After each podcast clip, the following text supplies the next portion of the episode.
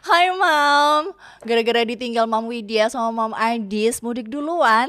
Jadi kali ini untuk Moms Podcast Parenting barengan sama Moms V ya. Yang notabene adalah Moms baru nih. Baru aja jadi Mom selama 2 tahun terakhir ini agak sedikit ribet ternyata ya punya baby apalagi di masa pandemi. Ternyata keribetannya nggak cuman sehari-hari. Bisa mudik tahun ini. Wah, finally. Rasanya seneng banget. Secara kemarin-kemarin ya, kayaknya udah tiga tahunan deh. Sama sekali nggak ke mana-mana pada saat lebaran. Bisa jadi Lebaran itu kayak garing banget sih, sepi ya di rumah secara cuma bertiga doang. Tetangga pun juga nggak boleh kan berkunjung kemarin-kemarin itu. Jadi ya udah setelah selesai sholat id, ya udah di rumah aja, makan opor yang dipesan, terus juga mainan sama si baby. Jadi kayak hmm, agak beda sih suasana Lebaran kemarin-kemarin. Nah pas tahun ini dilonggarin tuh untuk mudik, uh rasanya bahkan sebelum Ramadan habis udah langsung mempersiapkan segala sesuatunya. Udah baju semuanya harus ke bawah. Ya nggak semua juga sih. Maksudnya kayak dipilah-pilah ya. Baju buat di rumah terus baju buat pergi baju kayak agak formal. Semisal tiba-tiba ada kondangan gitu kan. Dan yang pasti juga aku harus bawa makanan-makanan tradisional yang ada di kota aku.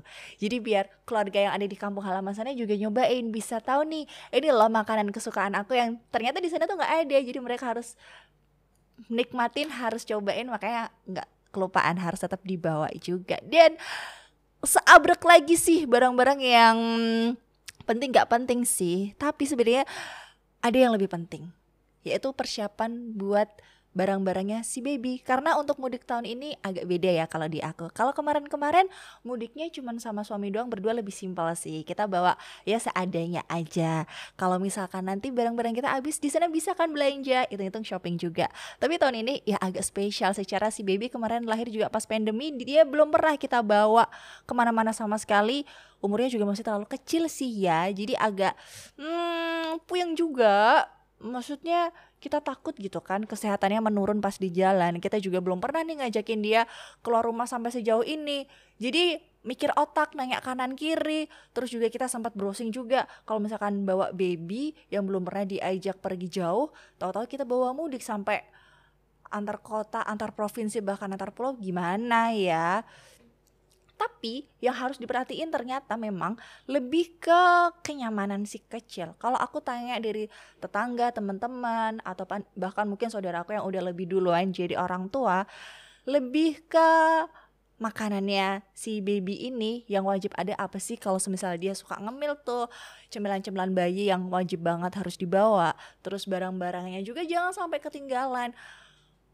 Kasih dia baju yang nyaman banget dalam artian nggak usah dikasih baju yang kayak baju pergi baby. Karena itu kayak terlalu ribet terus terlalu uh, bahannya enggak bersahabat banget sama kulitnya. Jadi ya udah kasih baju tidur aja selama di perjalanan biar dia juga geraknya leluasa enggak terlalu gerah enak juga dan bahkan enggak rewel. Tapi segala macam persiapan mudik itu pastinya nggak bisa sih aku handle sendiri. Suami juga harus harus banget dia bantuin. Karena secara aku nggak bisa nyetir aku nggak ngerti mesin mobil.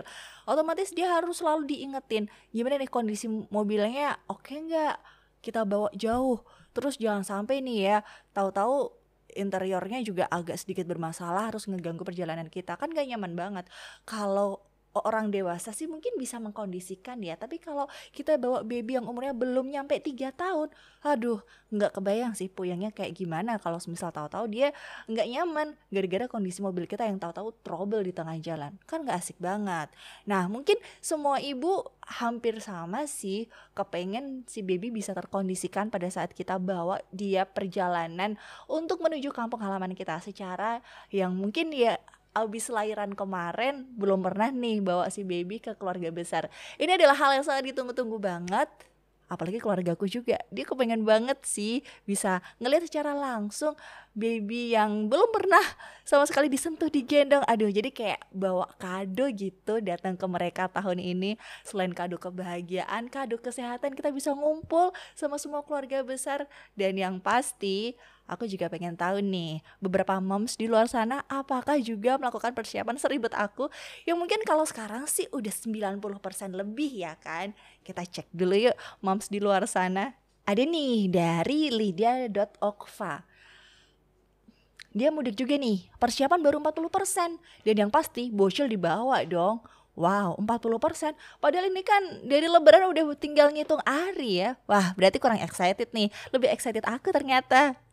Terus ada juga dari at Sophie underscore novi.w Bawa dong. Kan pakai telon doodle Jadi nggak masuk angin. Nah bener banget. Karena telon doodle Ini bisa dikatakan adalah salah satu benda wajib untuk si baby kita butuh dong kasih baby kehangatan. Selain kehangatan dari kasih sayang orang tuanya juga pasti kehangatan dari telon dudel yang bisa mengkondisikan si baby tetap suhunya terjaga stabil, nggak keganggu sama AC mobil. Ya kalau AC mobil dimatiin, kan kitanya gerah juga.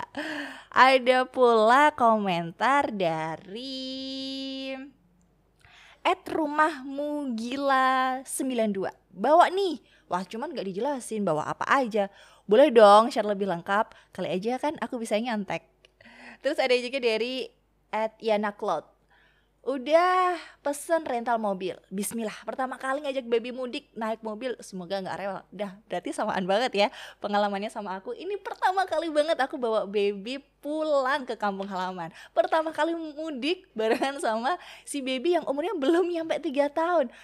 Sebenarnya nggak tega. Takut ya Kalau di jalan terus dia kayak nggak bisa diajak kerja sama gitu. Nggak mungkin dong kita marahin baby selucu itu. Tapi keinginan untuk pamer sama semua keluarga besar ini loh anak aku yang kemarin lahir yang kalian untuk nengok kita aja kan harus ribet swab sana sini. Aku bawa dengan keadaan yang lebih lucu daripada yang kemarin. Terus ada juga dari at alunan cerita.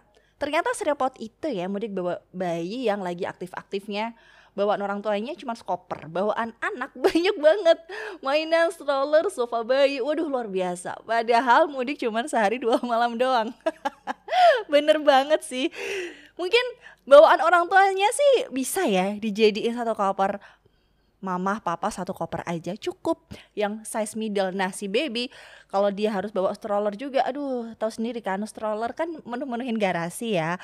Terus juga sofa bayi aduh harus banget ya sofa bayi dibawa. Tapi memang kalau misalkan balitanya umurnya udah lebih dari lima tahun dia lagi aktif-aktifnya tuh. Jadi kayak sofa bayi wajib juga untuk menjaga keamanan dia pada saat di mobil. Kan kalau misalkan balita di atas lima tahun dia udah gak nyaman tuh di pangkuan mamahnya dia pasti kepengen tuh bisa duduk sendiri apalagi di seat depan sambil ngelihat jalan sambil ngeliatin papahnya nyetir nah otomatis ini PR lebih lagi nih buat para moms di luar sana. Padahal mudiknya mungkin gak nyampe seminggu, tapi eh kerempongannya beberapa minggu. Ada juga dari Terus dia nih Rahmi, pengen banget nih mudik. Tapi ya gimana ya, bayi masih dua bulan. Kalau macet terus bayi rewel gimana? Waduh, iya juga sih. Untuk yang babynya masih dua bulan, paham banget sih ya.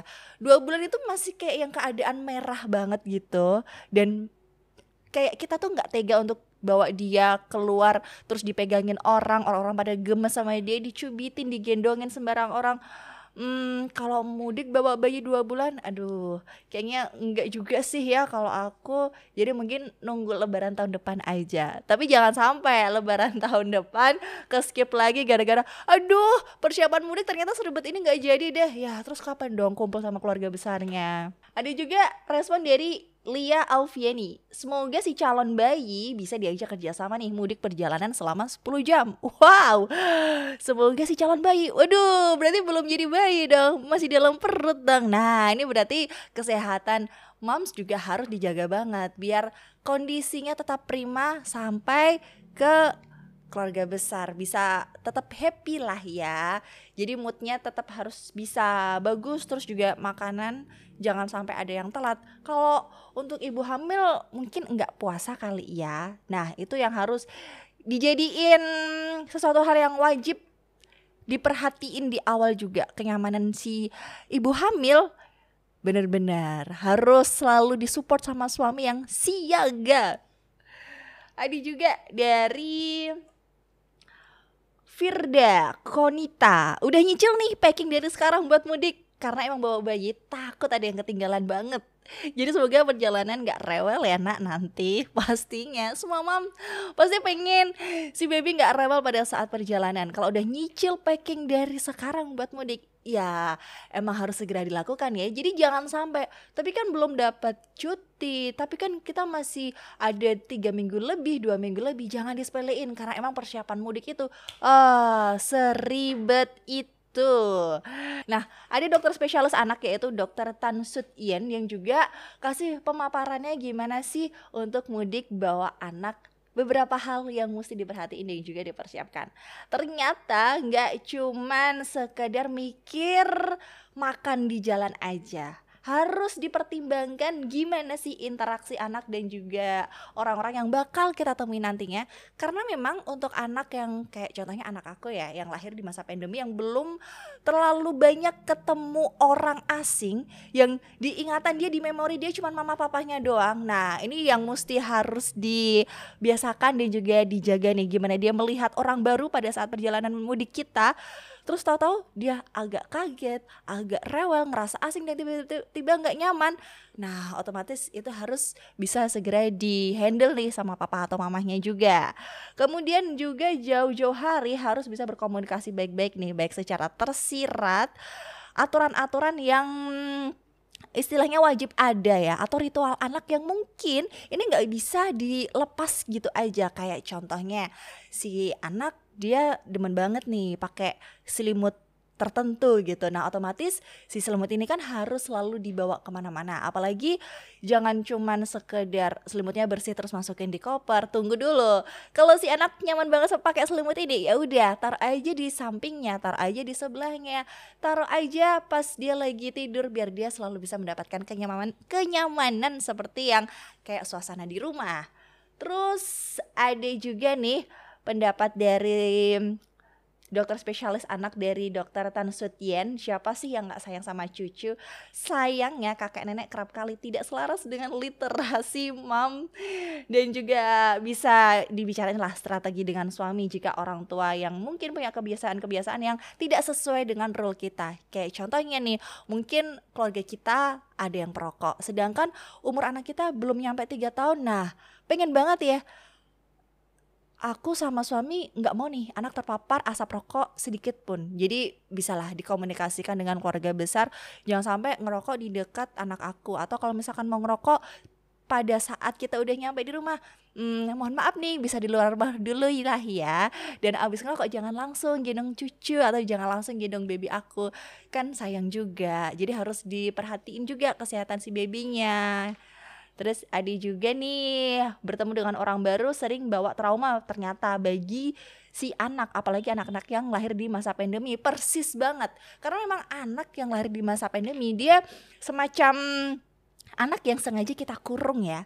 Kita kurung dan cuman berhadapan dengan mama papahnya ataupun mungkin ada mbak yang bantuin. Ya cuman orang-orang itu aja yang ada di memorinya dia. Dan kita sangat menjaga kan pada saat masa pandemi kemarin itu megang anak harus cuci tangan dulu. Megang anak kita kalau dari luar rumah kita harus mandi dulu pokoknya ganti baju dulu.